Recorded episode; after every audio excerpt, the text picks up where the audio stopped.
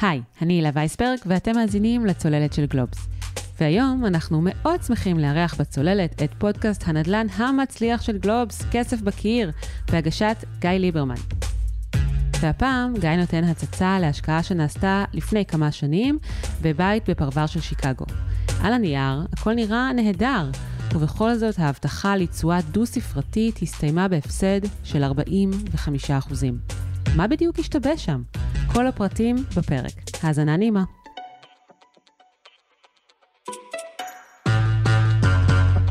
המחיר כל שבועיים יורד בעוד כמה עשרות אלפי דולרים.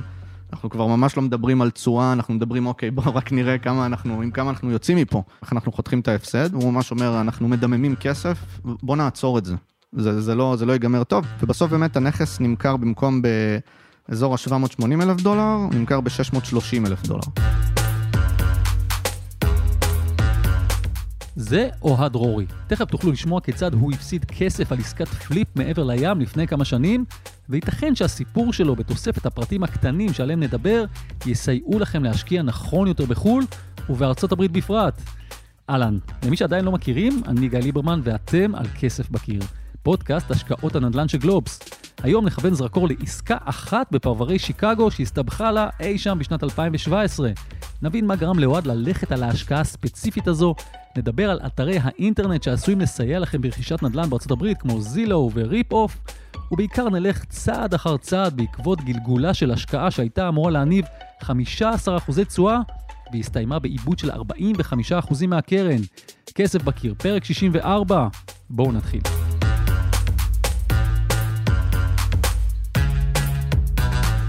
אז אני אוהד דרורי, בן 34, נשוי פלוס שלושה, גרתי כל חיי בחיפה, למדתי בחיפה, שירתתי בחיפה, חיפאי בנשמה.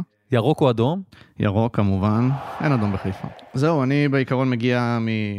מרקע של סטטיסטיקה, עשיתי תואר ראשון שלי באוניברסיטה, אה, יש לי כמיהה רבה להשקעות, היום עובד בהייטק, אה, תמיד מחפש הזדמנויות השקעה, אה, גם בנדל"ן, בעיקר שוק ההון אבל. אז בוא, אני מחזיר אותך עכשיו חמש שנים אחורה, פחות או יותר, נכון? להשקעה נכון. שלך בארצות הברית. אז קודם כל באותה תקופה אני בן 29, נשוי פלוס אחד בלבד, ואני יוצר קשר בעצם עם איזשהו חבר שכבר כמה שנים גר בארצות הברית, והוא מספר לי קודם כל על השקעות שהוא עשה, שלוש עסקאות אה, מוצלחות, עסקאות flip, באזור שיקגו, פרברי שיקגו, אה, עם בחור מקומי, אה, זאת אומרת ישראלי, אבל גר שם הרבה שנים, מקומי, מכיר את הסביבה, הוא בעצם מנהל קרן שמבצע את ההשקעות האלה, הפרויקטים מסתיימים בצורה מאוד מוצלחת. אה, תשואות אה, דו-ספרתיות, בין 10 ל-15 אחוז, משהו כזה. אה, והוא ממשיך איתו לעסקה נוספת, וממליץ לי גם לנסות את אפיק ההשקעה אם אני רוצה. להיכנס איתו בספינה הזאת. נכון, אז זה לא להיכנס איתו ספציפית באותו פרויקט שהוא היה, אבל הוא אומר לי שיש לבחור כמה פרויקטים שהוא מריץ במקביל, באמת היו 13 פרויקטים במקביל, שאותו מנהל קרן הריץ. כשאתה אומר 13 פרויקטים, פרויקטי flip בפרברי שיקגו, single family, זאת אומרת בית פרטי, כמו שאומרים בסרטים, The American Dream וכולי, עם ה driveway והבתים גדולים כאלה. ואתה יודע שיש לו 13 פרויקטים כי אתה כבר נפגש עם אותו בחור, או מקבל כבר פרטים? איך אתה יודע את זה?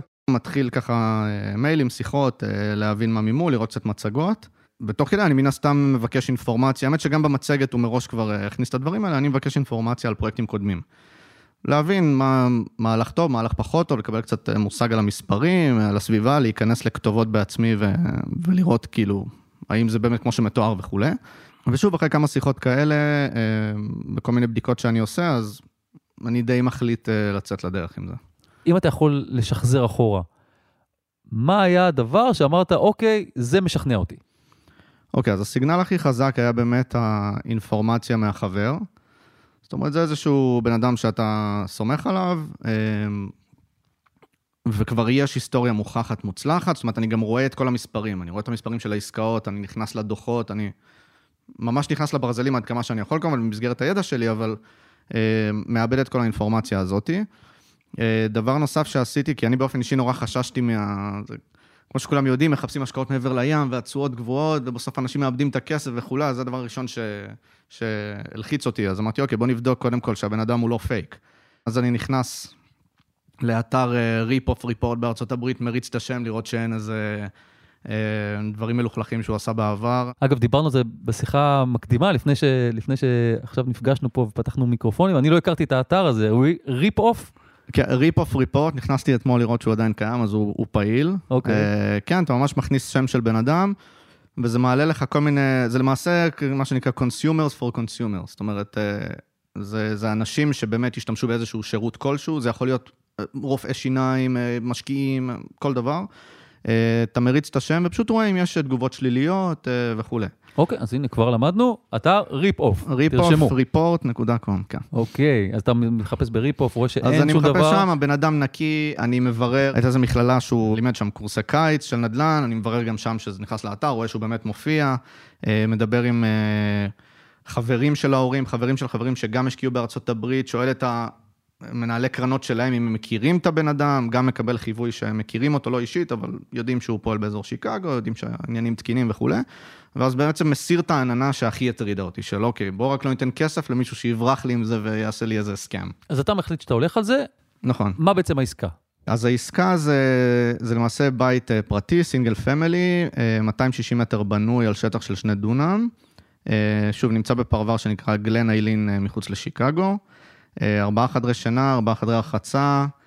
אה, בגדול נמצא הרבה מתחת למחיר השוק, אני נעזר כמובן בזילו, אה, כדי לקבל אסטימציות על הסביבה, גם חפרתי באתר הזה הרבה, כמובן להבין את המספרים, לראות שהכל מסתדר. שזה רק נגיד עוד אתר אמריקאי שחשוב מאוד להכיר, בעצם כל מי שפועל בארצות הברית, זה האתר המרכזי, בעצם נותן את כל סטטיסטיקות נד- הנדל"ן האפשריות. יש מי שהיה רוצה גם לראות את זה פה בישראל, אני חושב שהמקבילה הישראלית הכי גדולה זה אולי שילוב של יד שתיים, נדל"ן ורשות המיסים. נכון, אז בדיוק. אז זילו זה בדיוק כמו שאמרת, רק על סטרואידים. זאת אומרת, יש שם המון המון מידע, מידע מיסויי גם. אה, אתה כמובן רואה את ה... יש להם את מה שנקרא ה-Zestimate, שזה האומדן שלהם למחיר הבית, אתה רואה אותו לאורך השנים. יש שם באמת המון, מתי יראו את הבית, אה, הלוואות קודמות על הנכס, ממש one stop shop לכל הדברים האלה. מאוד מאוד נוח, כמובן עם תמונות וכולי. אה, אז, אה, אז הבית הזה הוא, על כל המאפיינים שציינתי, עולה 480 אלף דולר. מתחת למחיר השוק באותה תקופה לבתים דומים בסביבה. כאשר התוכנית היא בעצם לרכוש את הבית הזה במחיר הזה, להעביר אותו שיפוץ כללי, מסיבי מאוד, בעלות של בערך 110 אלף דולר, זה כולל חשמל, צנרת, איתור, מיזוג, אמבטיות, all over, כאילו מה שזה, פלוס להוסיף גם איזה בלקוני כזה. למעשה, אתה לא רוכש אותו לבד. בעצם המתווה הוא שאתה נכנס עם עוד כמה שותפים, וגם אותו, או, או, או מי שהציע את העסקה, הוא גם נכנס באיזשהו, בכמה אחוזים בודדים. נכון, אז אנחנו באמת אה, אה, ארבעה משקיעים, כולל את מנהל הקרן. אה, אני חושב שסכום ההשקעה שגויס סך הכל היה באזור ה-150-160 אלף דולר.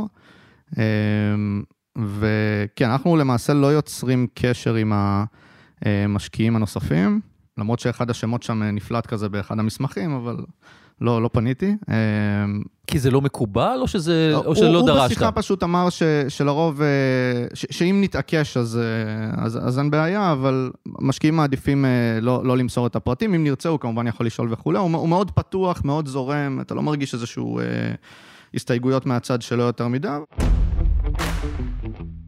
אז אוהד עשה את הבדיקות שלו והחליט ללכת עם זה. לא אמרנו, אבל הוא באופן אישי שם 30 אלף דולר בהשקעה הזו. בשלב הבא המשקיעים הקימו חברה בע"מ, או LLC אם נשתמש באותיות הרלוונטיות לארצות הברית. אותה חברה פתחה גם חשבון בנק על שמה וגם נלקחת הלוואה מבנק בארצות הברית. להערכתו של אוהד, הם, כלומר המשקיעים, הביאו 15% בלבד מהכסף, וכל היתר נלקח כהלוואה לעשרה חודשים מבנק בארצות הברית, בריבית של כ-6%. עכשיו, כששמענו על איזה נכס מדובר והמון פרטים נוספים על העסקה, בואו נעבור לתכלית, לשאלה בשביל מה כל המאמץ הזה, או במילים אחרות, מה הרווח הצפוי שדובר עליו עם המשקיעים.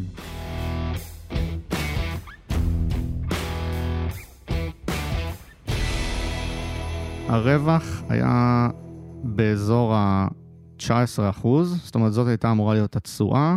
אה, אני חושב שנטו זה היה באזור ה-15 אחוז, סדר גודל, ובאמת המטרה היא, היא לקנות את הנכס, להעביר אותו שיפוץ של סדר גודל 4 חודשים, באמת שיפוץ רציני, ואז להעלות אותו למרקט, עד חצי שנה מכירה. זאת אומרת, ככה גם ניתנה הלוואה בעצם לעשרה חודשים. בריבית די גבוהה, יש לציין, 6%, כי זו הלוואה עסקית וכולי. גם זה ביררתי בזמנו, עלות סבירה, לא הייתה אפשרות להוריד את זה יותר. אז כל הסיפור הזה באמת אמור לקחת סדר גודל של עשרה חודשים, בתשואה של 15%. זאת אומרת, הפרויקט, נטו. רק אם נוריד דברים לקרקע, מאוד מאוד פשוט. לקנות מאוד. בית, להשביח אותו, למכור ברווח. הרווח, המרווח בעצם בין, ה, בין הרכישה למכירה, זה בעצם ה, ה, ה, הרווח שלכם פה. בנושא, ומשקף את התשואה. לא הסתדר כפי שהתוכניות נכון. הראשוניות אה, אה, אה, צפו, בואו ננסה להבין מה קרה שם. אז קודם כל הזכרנו מקודם שהבן אדם מנהל אה, 13 פרויקטים של פליפ במקביל. אה, הוא עובד עם אה, איזשהו קבלן, למעשה עם שני קבלנים, אחד מחזיק את רוב הפרויקטים שלו, מעל 50% מהפרויקטים זה הקבלן הזה, ויש עוד איזה קבלן או שניים ש... שעושים את היתר, ואז הקבלן נקלע לקשיים. קשיים כלכליים, הוא לא מצליח לעמוד בהתחייבויות שלו, הוא מפספס מועדים, לא מגיע לנכס לפעמים, אה, וזה בעצם גורם ל- לאותו מנהל קרן להביא, להכניס איזשהו קבלן חלופי כדי שיסיים את זה. עכשיו, מי שעבר שיפוץ אפילו בארץ יודע איך זה, אתה מזיז איש מקצוע אחד, הכל משתנה לך, אז כבר אנחנו קצת בחריגה של לוזים, אבל לא משהו מאוד אקוטי, נראה לי משהו כמו חודש, חודש וחצי זה התארך, אז הדבר הזה מתחיל להתגלגל, זה, זה הפאנצ'ר למעשה הרציני הראשון ש- שהתחיל את כל כדור השלג הזה. עכשיו, באופן בלתי תלוי, אני שם לב שהנכס כבר עלה למרקט בשלב הזה. הוא מפורסם במחיר אה, של 790 אלף דולר, שזה בערך אה, 10,000 דולר יותר ממה שרצינו גם בהתחלה. אני מסתכל גם על אה, אומדנים באתר זילו, כמו שאמרנו, אני רואה שהמחיר הזה רחוק בערך אה, 3-4 אחוז ממחיר שוק, זאת אומרת, אנחנו טיפה יותר גבוהים. all in all נראה בסדר. אממה, ברגע שבאמת אה, מתחיל תהליך המכירה עם הברוקר, יש בארצות הברית מה שנקרא שואינג, שממש מרהטים את הדירה, הברוקר מרהט את כל הדירה בריהוט שלא באמת שייך לדירה, כדי שיגיעו אנשים ויחוו דעה איך הבית באמת ייראה כש... כשיהיו בו חיים, מה שנקרא. המחשה. בדיוק, ממש ככה, זה ממש טקס שלם, מאוד מצחיק, בארץ אין את הדברים האלה. אה, אז, אה, אז מתחילים להגיע זוגות, אבל ממש טיפין-טיפין, זאת אומרת, אין איזה נהירה לדירה, אה, לנכס, סליחה, בכל זאת בית פרטי גדול, עבר שיפוץ וגיזום, באמת נראה קצת כמו מקטלוג כזה. אז מה, השוק מתקרר בעצם?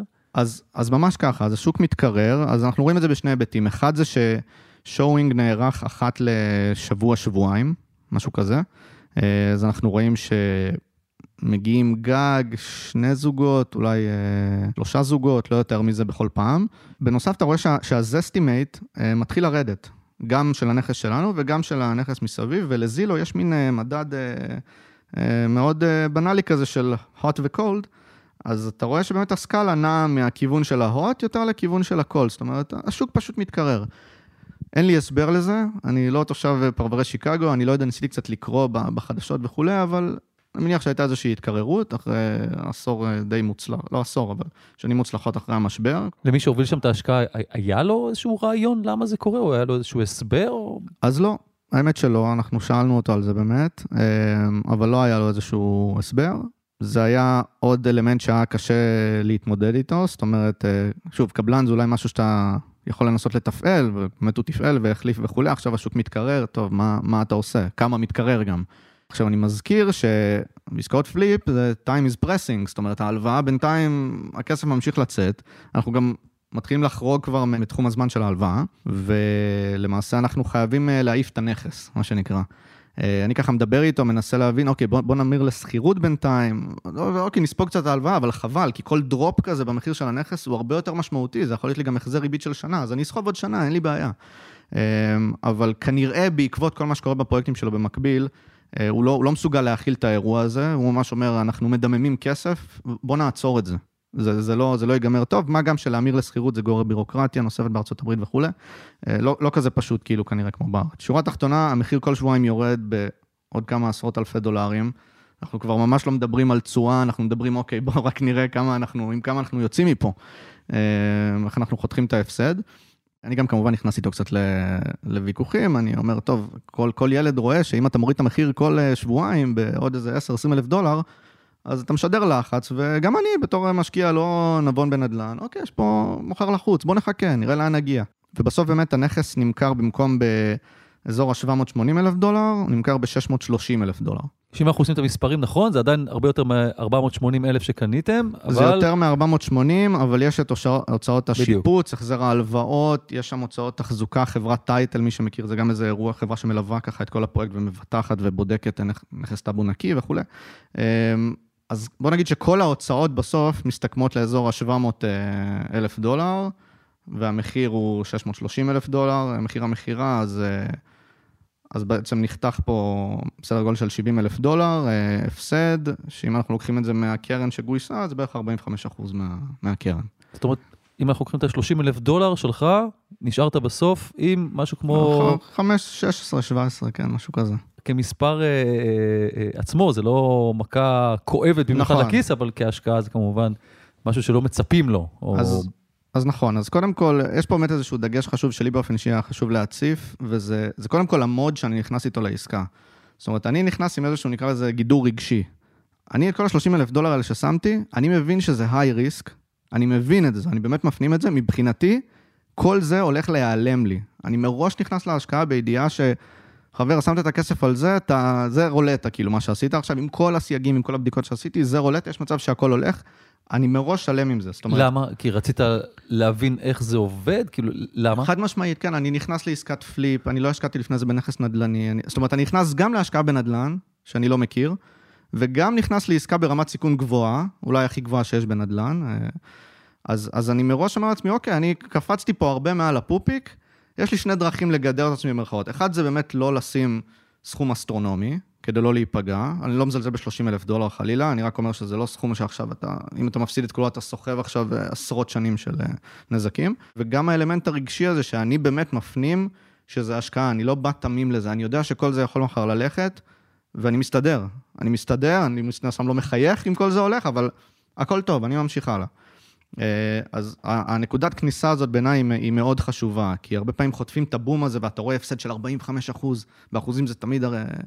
אה, ואז כזה, וואו, מה קורה פה וזה, אבל אני נגיד מכיר את ההפסדים האלה מש- משוק המניות, ראיתי דבר כזה קורה ביום מול העיניים שלי, אז אני לא מתרגש. אני, אני יודע כאילו שאני יכול להכיל את האירוע הזה.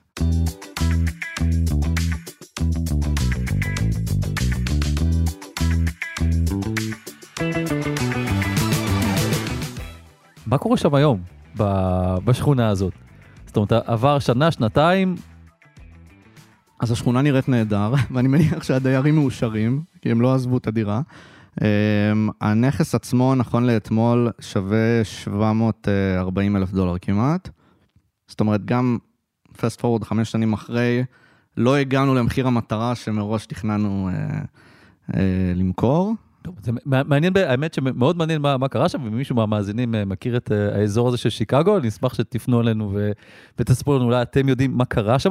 רציתי לשאול אותך איזה לקח או, או, או איזושהי מחשבה אתה לוקח מהסיפור הזה, או לקחת כמשקיע. לא בהכרח למדתי כל כך הרבה. זאת אומרת, אנחנו בסוף בעולם של השקעות, וגם כשאתה עושה הרבה דברים נכון, זה עולם הסתברותי, יש אחוזים מסוימים להצלחה, יש בלת"מים, יש דברים שאתה לא צופה כי אתה לא שם, ואני כן יכול להגיד שאני אני בסך הכל שלם עם כל הבדיקות שעשינו. דבר אחד שמאוד בולט זה באמת, ה, אה, נקרא לזה אלמנט הפגיעות של אותו מנהל קרן, ש, שלא לקחתי את זה בחשבון אה, בזמנו מספיק, וזו העובדה שהוא למעשה מנהל, הוא מנהל קרן, אבל זה לא קרן במובן של קרן של בלק רוק עם אה, עשרות אלפי עובדים שאחראים למלא דברים, לא, זה בסוף בן אדם אחד, יש לו כמה אנשים שהוא סוחר שטיפה מסייעים לו, אבל אה, אנליסטים, רואי חשבון, אבל בסוף הוא מכיל את כל האירוע הזה. זאת אומרת, מישהו שהוא זאב בודד כזה, יש לו יתרונות שהוא, הכל אצלו, הוא יודע, הוא מבין, אבל גם יש לו חסרונות במקרה הזה, שאם יש לו אירוע, לא, לא יודע אם לקרוא לזה אירוע רב נפגעים, כן, אז אני בדיוק ככה קראתי לזה גם, זה ממש אבל... אוקיי. להכיל את האירוע המשולב הזה ולהילחם בכמה גזרות, זה, זה כנראה באמת היה יותר מדי עבורו.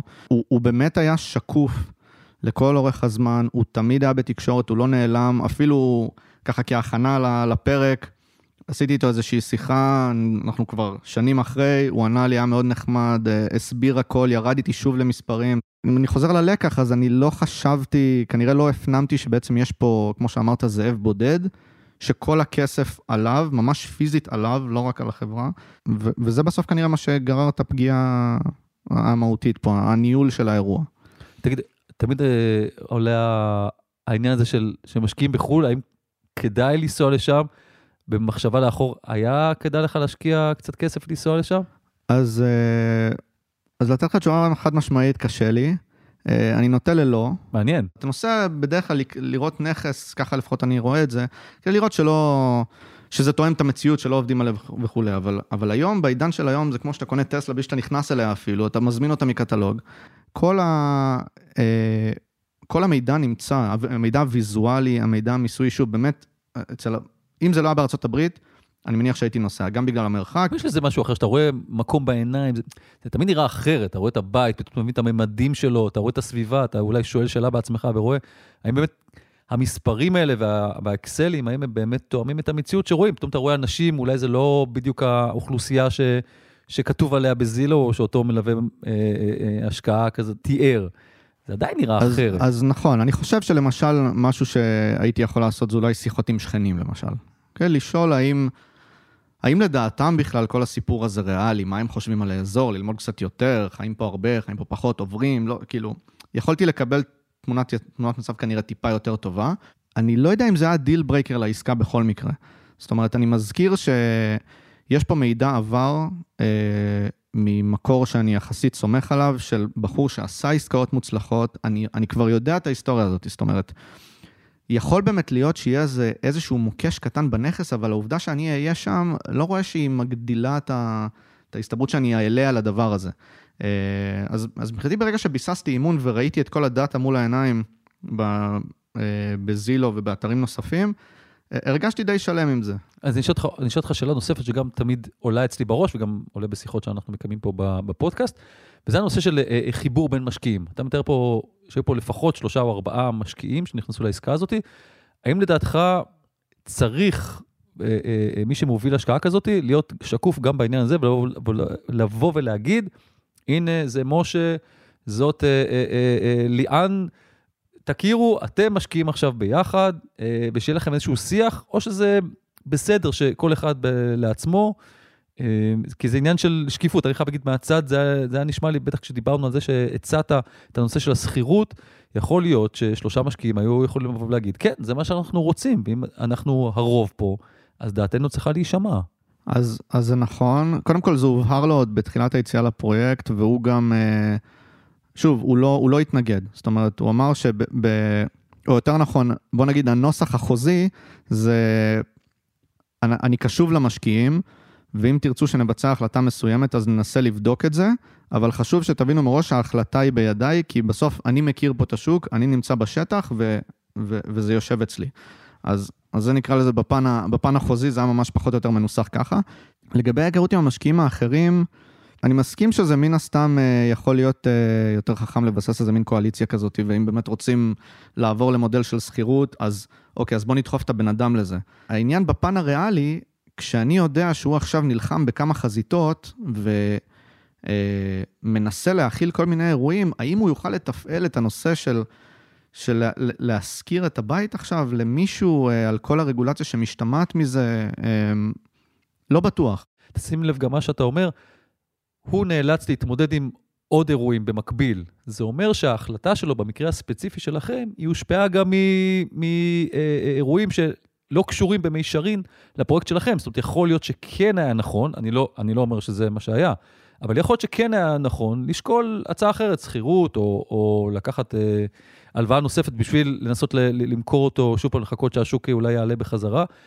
ויכול להיות שבגלל שהיו עוד אירועים אחרים, למעשה השיקול לא היה אך ורק עבור הפרויקט הספציפי שלכם. זה מחזיר אותנו קצת לנקודה של אה, מישהו שהוא, שהוא פועל ככה לבד ולא חברה גדולה בעצם, סוג של חיסרון פה. כן, נכון, אתה, אתה צודק. אני גם אגיד עוד משהו שנזכרתי עכשיו תוך כדי, שאני לא חושב ש...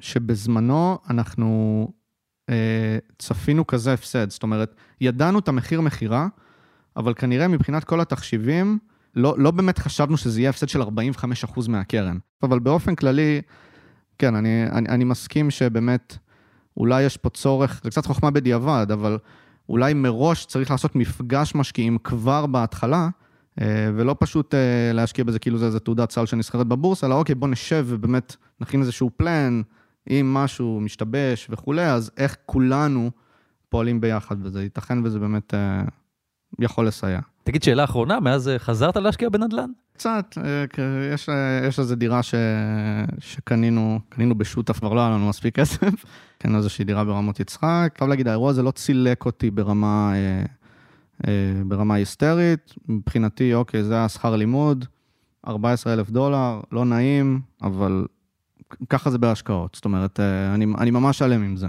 אני מאמין שיהיו עוד השקעות בעתיד בנדל"ן, לא יודע מתי, לא יודע באיזה סדר גודל, אבל אה, כן, זה יקרה. אוהד, אני מאוד מודה לך שבאת אלינו, שהתארחת. אני מודה לך, כיף גדול להיות פה. עד כאן אוהד, אבל לא נסיים לפני שנדבר עם פרשן הנדל"ן הבכיר של גלובס, אריק מירובסקי, כדי לשמוע מה יש לו להגיד על סיפור ההשקעה בפרברי שיקגו. אהלן אריק. שלום גיא. טוב, שמעת את, אה, את אה, אוהד, אה, בתחושה שלי הוא עשה לא מעט בדיקות, אבל עדיין בסופו של דבר ההשקעה שם נכשלה. מה אתה חושב? סיפור מאוד מורכב. קודם כל, אני צריך לחזור על דברים שאנחנו אומרים לא פעם למי שמקשיב לנו, ויש הרבה כאלה, שכל השקעה שהיא תלויה גם במזל או ברכיבים שהם לא תלויים בנו, ולא, אין לנו אפשרות לצפות אותם מראש. אז זה דבר אחד. דבר שני, שום אתר שבעולם, לא רשות המיסים ולא מדלן וגם לא זילו, יכולים לתת לך את המידע המדויק והמעודכן ביותר.